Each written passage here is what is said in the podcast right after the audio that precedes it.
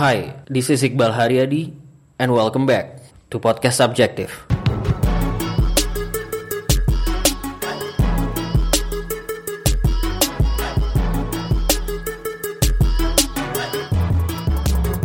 Uh, Friday, 23rd August uh, 2019. Right now, this is the, this is the very first episode of Podcast Subjective in English because right now I am in a call with my new friend in another city of Indonesia. Uh, so uh, let's just go directly for the conversations. Matt, there, uh, please introduce yourself briefly um, and say hi to the podcast subjective listeners. Hey everyone, I'm Matt Hudson and I'm living in Surabaya, Indonesia now. I've been here for eight years, eight lovely years in this awesome city. Um, so yeah, I mean, I I am originally from America, uh, from Portland, Oregon, and I just you know I decided to come over to Indonesia uh, eight years ago to start teaching English, and also discovered my love for books over here. So it's been a really great um, eight years here. And I'm sure Iqbal will ask me some more questions and I'll tell you a bit more about my uh, personal story here, my personal journey, and how I can possibly help you. Yeah, great. So, um, how, how, how, how are you actually uh, crossing each other first time in Instagram? Is it the the the the Periplus? Uh, definitely, we found each other on Instagram, and Mm-hmm. Maybe I was the one that reached out to you, um, possibly. Yeah, I, yeah. I, I think so. Just yeah. hashtag research, and I was searching for other like influencers in Indonesia, uh, people involved in personal development and trying to uh, basically make the world a better place. And I know that Iqbal is one of those guys, helping a bunch of other people out. Um, so yeah, basically I messaged, comment, or Iqbal messaged and comment on mine. Uh, we it was both ways. We messaged messaged each other and just started chatting about uh, uh, self development. Yeah, that's yeah. how we met. Yeah, so it's really nice to connect with stranger and then finally become friends because of uh, things that we have in common which is basically in our case is the the willing to to share and try to uh, give values to other people with valuable information. So uh, what we're going to talk about in the next uh, maybe 30 to 40 minutes is uh, basically we're going to talk about, i'm going to ask matt about about his life and then about living in indonesia and later we're going to talk about books so the first uh, question for for you, Matt, is uh, you are born and raised in Oregon, right? So I'm just I'm, I'm just gonna curious about what what what was it like growing up in Oregon? Yeah, so I'm 34, 35 this year. So I grew up in the 1980s and uh, was going to primary school in the 1990s and yeah, I mean, like I, I definitely had a, a, great childhood. Like, like I have parents that care for me a lot and took care of me very well. And I was going to a school that, uh, I mean, it seemed like the teachers like were really caring as well. Uh, but you know, like I have now, I have problem with the whole how the whole school system is kind of set up. But the teachers themselves did a great job of nurturing their their students and so like every day i went to primary school i just had a great time with my friends and um, i was really into music at that time so like i was playing in the in the band and the orchestra uh, which is great because we at in american schools there's uh, bands that are available that you can play in. And I'm not talking about like guitar bands. I'm talking about like full orchestras with like violins and flutes and trombones. So that was a really huge part of my childhood. Um, and as you know, the schools are a bit different in the US. Like uh, in Indonesia you have to wear uniforms, whereas in the school you uh, in US you do not. It's like pretty much free, free clothing. Um, uh, so that's that's definitely different. Um, but yeah, I mean, just going through school, uh, I didn't really have any sort of like focus except for music. So school didn't necessarily prepare me for for life, uh, for real life outside of university. So yeah, that's that's a little bit about childhood and school and uh, yeah. Yeah. So you were uh, graduate graduating from from what major in in? I went to Portland State Portland State University, and I graduated with a Bachelor of Science of Liberal Studies. Um, I actually originally started university studying music education, and uh, I I decided to switch majors after like three years of study mm. because I didn't see a future of being a music educator. Um, I said earlier that yes, we are lucky in the US to have music education available, but by the time I was graduating from university, they were cutting a lot of music education out of the uh, junior high schools and the high schools. So I was just like, I don't want to go into that. So I started studying about language and culture, and uh, that's how I came up with the liberal studies degree, which is pretty general, but I got a chance to study a lot about Southeast Asia, about language, about cultures, about uh, history. I mean, I, I studied so much and I loved it. I loved studying about kind of general general humanities. Mm-hmm, mm-hmm. So you mentioned about that. So that's the that's one of the first your encounter to know about Southeast Asia, and then probably on that on that period too. Then finally you find about Indonesia. So w- what what actually brings you to Asia especially Southeast Asia, especially Indonesia? Great. Yeah. I mean, you definitely got that right. Like during my classes, I studied about the different countries in Southeast Asia, and I had already I had already visited Japan when I was in high school, and I I went there like three times. Uh, because I loved the culture, I loved the food, uh, I also traveled over to Korea and Taiwan, Thailand. Uh, all of those trips were pretty short trips, uh, but I, I just wanted to go there to experience the country and the culture and the people and the food.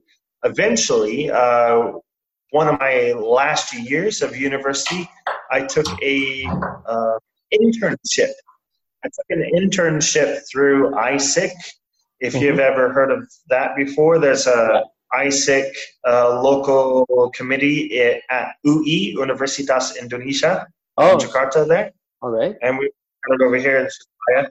Yeah. So that's how I actually first came to Indonesia through this student nonprofit organization uh, that focuses on entrepreneurial skills and humanitarian skills I took this internship for three months in Jakarta.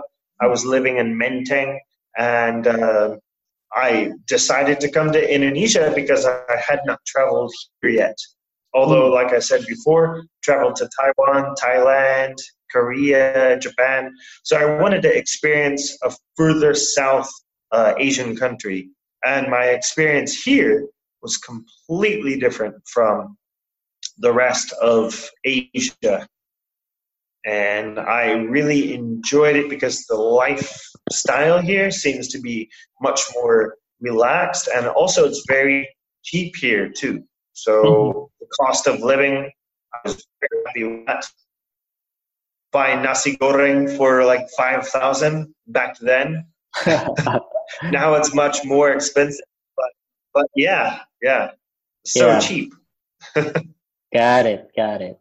So what what yeah. what is what is the one moment uh, that you I, I I know there might be a lot of moments that uh, that make make a ding in your brain that I think and then and then it says that uh, I think I need to stay uh, and work in Indonesia. But I think can you share one of those moments that that make you think I think this is it. So let's stay in Indonesia. I think it was just the fact that the lifestyle. Mm-hmm. So uh, for me, for me, as a someone growing up in a Western country where like uh, it seems like people very on time and very strict about the rules, whereas here it's a bit more relaxed. Of course, we should still follow the rules. I'm not saying break the rules or anything, but yeah, it's just the fact that you know I can live a more comfortable life with, uh, even if the salary is a bit lower. I'm still mm-hmm. very comfortable with living here and being being able to support myself and uh, yeah, just the the easiness of life, I guess. Yeah. Yeah, yeah, interesting. So, uh, so I, am gonna ask you about about your wife. Is she Indonesian? Yeah. So uh, the rest of you guys listening don't know, but yeah, I'm married. Uh, I'm married to an Indonesian. Uh, she is from Jember, uh, you know, in East Java. Yeah. So, but yeah, she she of course she lives here in Surabaya with me, um, and we also have a daughter. She is two and a half years old now, mm-hmm. half American, half Indonesian. Very curly brown hair. uh, yeah, yeah, yeah. Even though she's Indonesian, she has hair. how, yeah. how do you guys met? Uh, we actually met online first uh, before I had even arrived in, in Indonesia. Before I even traveled to Surabaya, we had met. And then, one, yeah, once I traveled to Surabaya after my internship, that's when we first met in person. And that's when we first started dating. All right. So, so, is when we met. Like, yeah. oh, yeah, we, we finally get a chance to see other in person. I like who she is. We've been chatting for a couple years online, so why not make a relationship out of it? Why not experiment with this and see where it goes? And it went very well, obviously, because we got married six, yeah. six years ago. So it's right. it's an awesome relationship, a very good, great relationship. Great, great, great. Good to hear. So, yeah. is, is she part of AIESEC or you simply just an online friend? Uh, well, my my wife, yeah. she she was just um, she was just an online friend. Mm. Met on Facebook. All right, yeah. all right. So so it it it actually really uh, works, yeah. The online online friendship and then comes to life and then somehow it actually works as a relationship. Yeah as long as as long as you you are a real person. And that, you know that's the thing like when when i do stuff online making videos and stuff like that mm-hmm. you have to come across as a real person and like show yourself. Be who you are. And so when i was talking with her on the videos i was who i am and she was her true self as well and also it doesn't it doesn't hurt that her English is fantastic. And of course, being with with me, her English has improved a lot because well, we speak English together all the time. So yeah, yeah, yeah, got it. So just for the listeners, that uh, if you're still single, then the online friendship, even with foreigners, can open to a real relationship, right, Matt? All right. Yeah, just yeah. just as a warning, no, be true. yeah, yeah. So let's move on to yeah. So let's move on to uh, uh, talking about book. So I'm I'm I'm reading your website, and you're saying that one of the important book for you is the second chance of Robert Kiyosaki changed your life. So, uh, can you tell us a bit brief about why uh, Second Chance of Robert Kiyosaki changed your life? Great, great, yeah. Second Chance was the very first, um, the very first nonfiction self improvement book that I had read. Before 2015 was uh, I, I, was reading, but I was only reading fiction and uh, just science fiction, and maybe only one book or two books a year before 2015. Uh, but when I had read that Second Chance by Robert Kiyosaki, and he's even better known for Rich Dad Poor Dad, uh, it just really opened up my minds uh, open up my mindset to how many possibilities I could have. Uh, I felt like after reading that book, I was not reaching my full potential as a human being. And yeah, it just basically opened up the gates to me reading more and more and more books and uh, trying to develop myself, which also led into creating the Instagram account Bookmatic, which focuses on helping people to uh, develop themselves through books and trying to create a better uh, life for themselves. So it all started with that one book there. Really, hmm. really helped me out, opened my mind. Great, great. Yeah. So, uh, yeah. So ha- you you have mentioned that. So that's also that also uh, uh, leading you to creating the uh, Instagram account, which is called the Bookmatic. So, what what's the idea about the Bookmatic?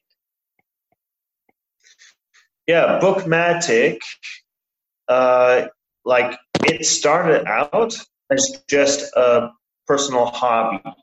It started out as just me sharing some reviews of books, of books that I had read. Um,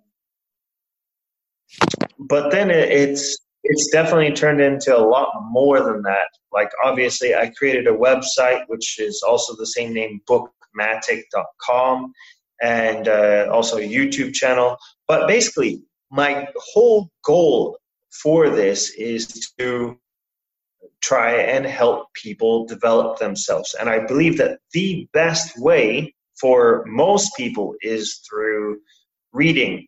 So we read these books, we try to take those messages inside the books and apply them in our lives, and we try to take action on them. Uh, and that's one of the things that I tell most people is, and I always remind them is make sure to take action on what you read, because if you're just reading it and then you don't take action on it, uh, then it's almost worthless. So the whole point is to really help people uh, and also, like, I want to help people learn English as well. So, obviously, I'm living here in Indonesia, so most of my followers are Indonesian. And I know a lot of Indonesian people want to learn English. So, what better way to learn English than by conversing with a native, talking, and also books? And I know that reading can be very hard most people don't really like reading. But if you get into the habit of it, then it can really, uh, like I said, with Second Chance, open up your mind, open the gates, uh, help you realize your full potential and improve your vocabulary and communication skills in English. So that's the whole thing, you know? Uh, yeah. It's a process. I'm still developing it. But um, I've got a lots of of many people coming to me from Indonesia and from other parts of the world, and just saying we really appreciate the notes, the pictures of the books that you share. Um, we really appreciate that, and it's it's been helping them a lot. Mm-hmm. Mm-hmm. Great. So. Yeah um, from your experience, how, how do you grow the Bookmatic account from zero to now uh, seven uh, thousands? Yeah, seven thousand followers. How how do you grow that? Yeah, so um, well, yeah, it's been a journey. It's been tough because, like, at times I feel like, oh, I want to, I want to quit, or uh, I mean, I, I don't really. At, at, times, you know, like a year, a year or two ago or something, it's like, ah, it's not making progress. But you know, in order to make progress, you need to take daily actions. You know, you need yeah. to take daily actions and continue to persevere. So basically, perseverance has really, really, really done a great job. Now, obviously, I have over 7,000 followers, close to 8,000 followers now. And, uh, but one thing I always remind myself is not about the numbers. It's not about the f- number of followers that you have. It's about the the lives that you're touching. So I, the people that follow me are not just numbers; they're people. So I want to help every single 7,800 people on my Instagram. I want to help every single one of them to grow their mindset. So you really have to persevere through whatever you do. Perseverance is probably one of the top things to grow your Instagram account, to grow your YouTube, to grow your business, whatever it may be. Everything requires perseverance. Yeah, yeah, yeah. Great. Thank you for sharing that. So uh, I'm I'm curious about your reading habit mm-hmm. and uh, how how do you? I mean, you you're saying so previously you you just read just a few books a year, and then I I believe now you're reading a lot and uh, can you tell us about the those those changes and what's the what's your habit of reading now cool yeah so uh, the process went from reading like one or two books a year before 2015 before i picked up second chance and uh, once i picked up second chance that year in 2015 i ended up reading i think it was like 12 books so it was like how many ever times more uh, because I wanted to soak in more knowledge. And as the years went along, 2016, it was like 18 books. 2017, I read 24. 2018, I read 32.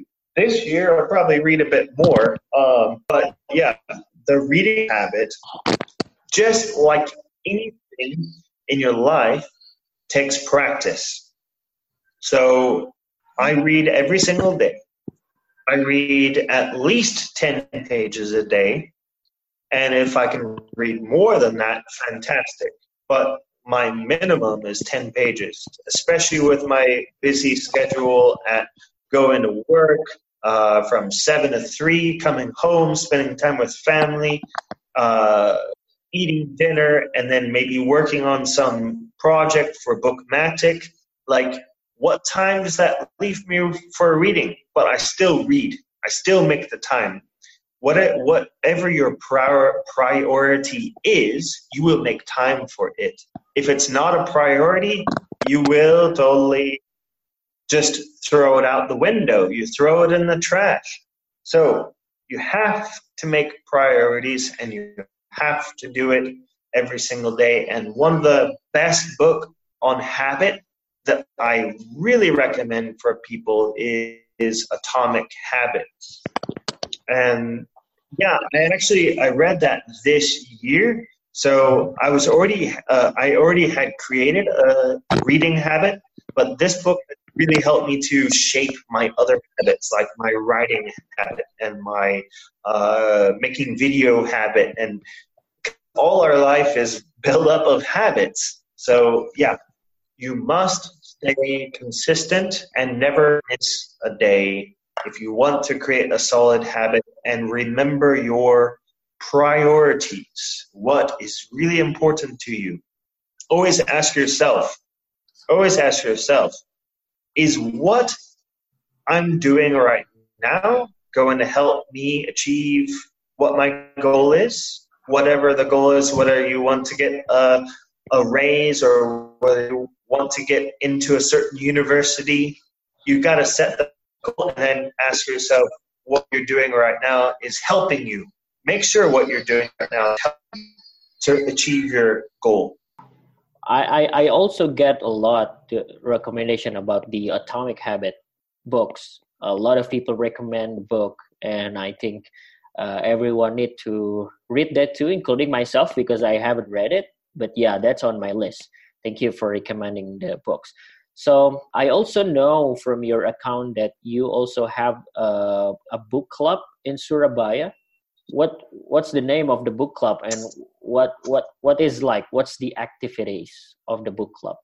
Right. So uh, we started. It was me and a few other people from Toastmasters, mm-hmm. which is a public speaking group. Uh, we started this club together called Book Brewers, a non-fiction book club. So we all focus on one particular book every single month, and we've been doing this for the past uh, three, four months, I believe. I believe we're on our fifth book, so we're going in our fifth month. And uh, during a meeting, we've got a we've got 26 members so far. Mm-hmm. Uh, during one meeting, we yeah we basically discussed the book that we had already decided a month beforehand, so it gives people a, a whole month to read one book. We have a moderator who uh, moderates the questions, makes sure that the discussion tape stays on task, and they prepare uh, several questions beforehand. So yeah, it's it's a really good group to to be able to brainstorm ideas together to help each other out, not just discussing this one book topic, but sometimes we start uh, discuss. Well, basically, the goal is to discuss about our own problems, our own struggles. That way, our friends in the club can help each other out. So it's a community of like-minded people that really want to try and uh, become better people, improve their mindset, and help each other out. Yeah, yeah, sounds interesting. So, where where do you guys usually hang out? Hang out in Surabaya? In in cafes, in different cafes or certain cafes? Uh, we try to go to uh, quiet. Uh, so, like one of the cafes is called Cartico, I believe, and uh, it wasn't that busy last time we were there. So uh, basically, we've got this upstairs room, or sometimes we might book a room if it's like free or whatever. Uh, mm-hmm. But yeah, we try to find places that are nice and quiet. That way, we can have a discussion there and also drink some coffee and have lunch together.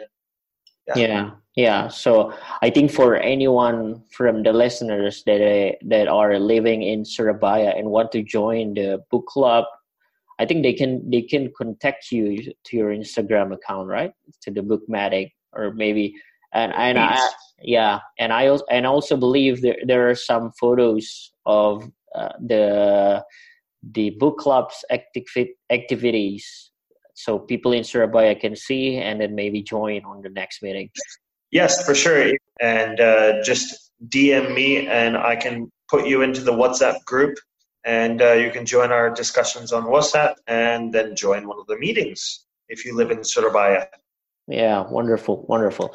So this is actually the last questions for me. Uh, if you, I mean, what, what what's the question? So I think if we can only read three books before we die? I know this is this is just a rhetorical question. So, uh, what do you think the three books that you want to recommend people that it's really important for people to read those books? Yeah, this is a fantastic question. It's also a very difficult question because so many different out there, and there are also so many different problems that we experience. And books are supposed to be things that we use, nonfiction books are supposed to be things that we use to solve problems. So I would say my top three recommendations so far out of the books that I've read my entire life would probably be Atomic Habits, because everything's based on habits, right? So mm. we read that one. That's an awesome one. Uh, second one would be The Four Agreements. Oh, by the way, Atomic Habits is by James Clear. Uh, the second one would be The Four Agreements by Don Miguel Ruiz.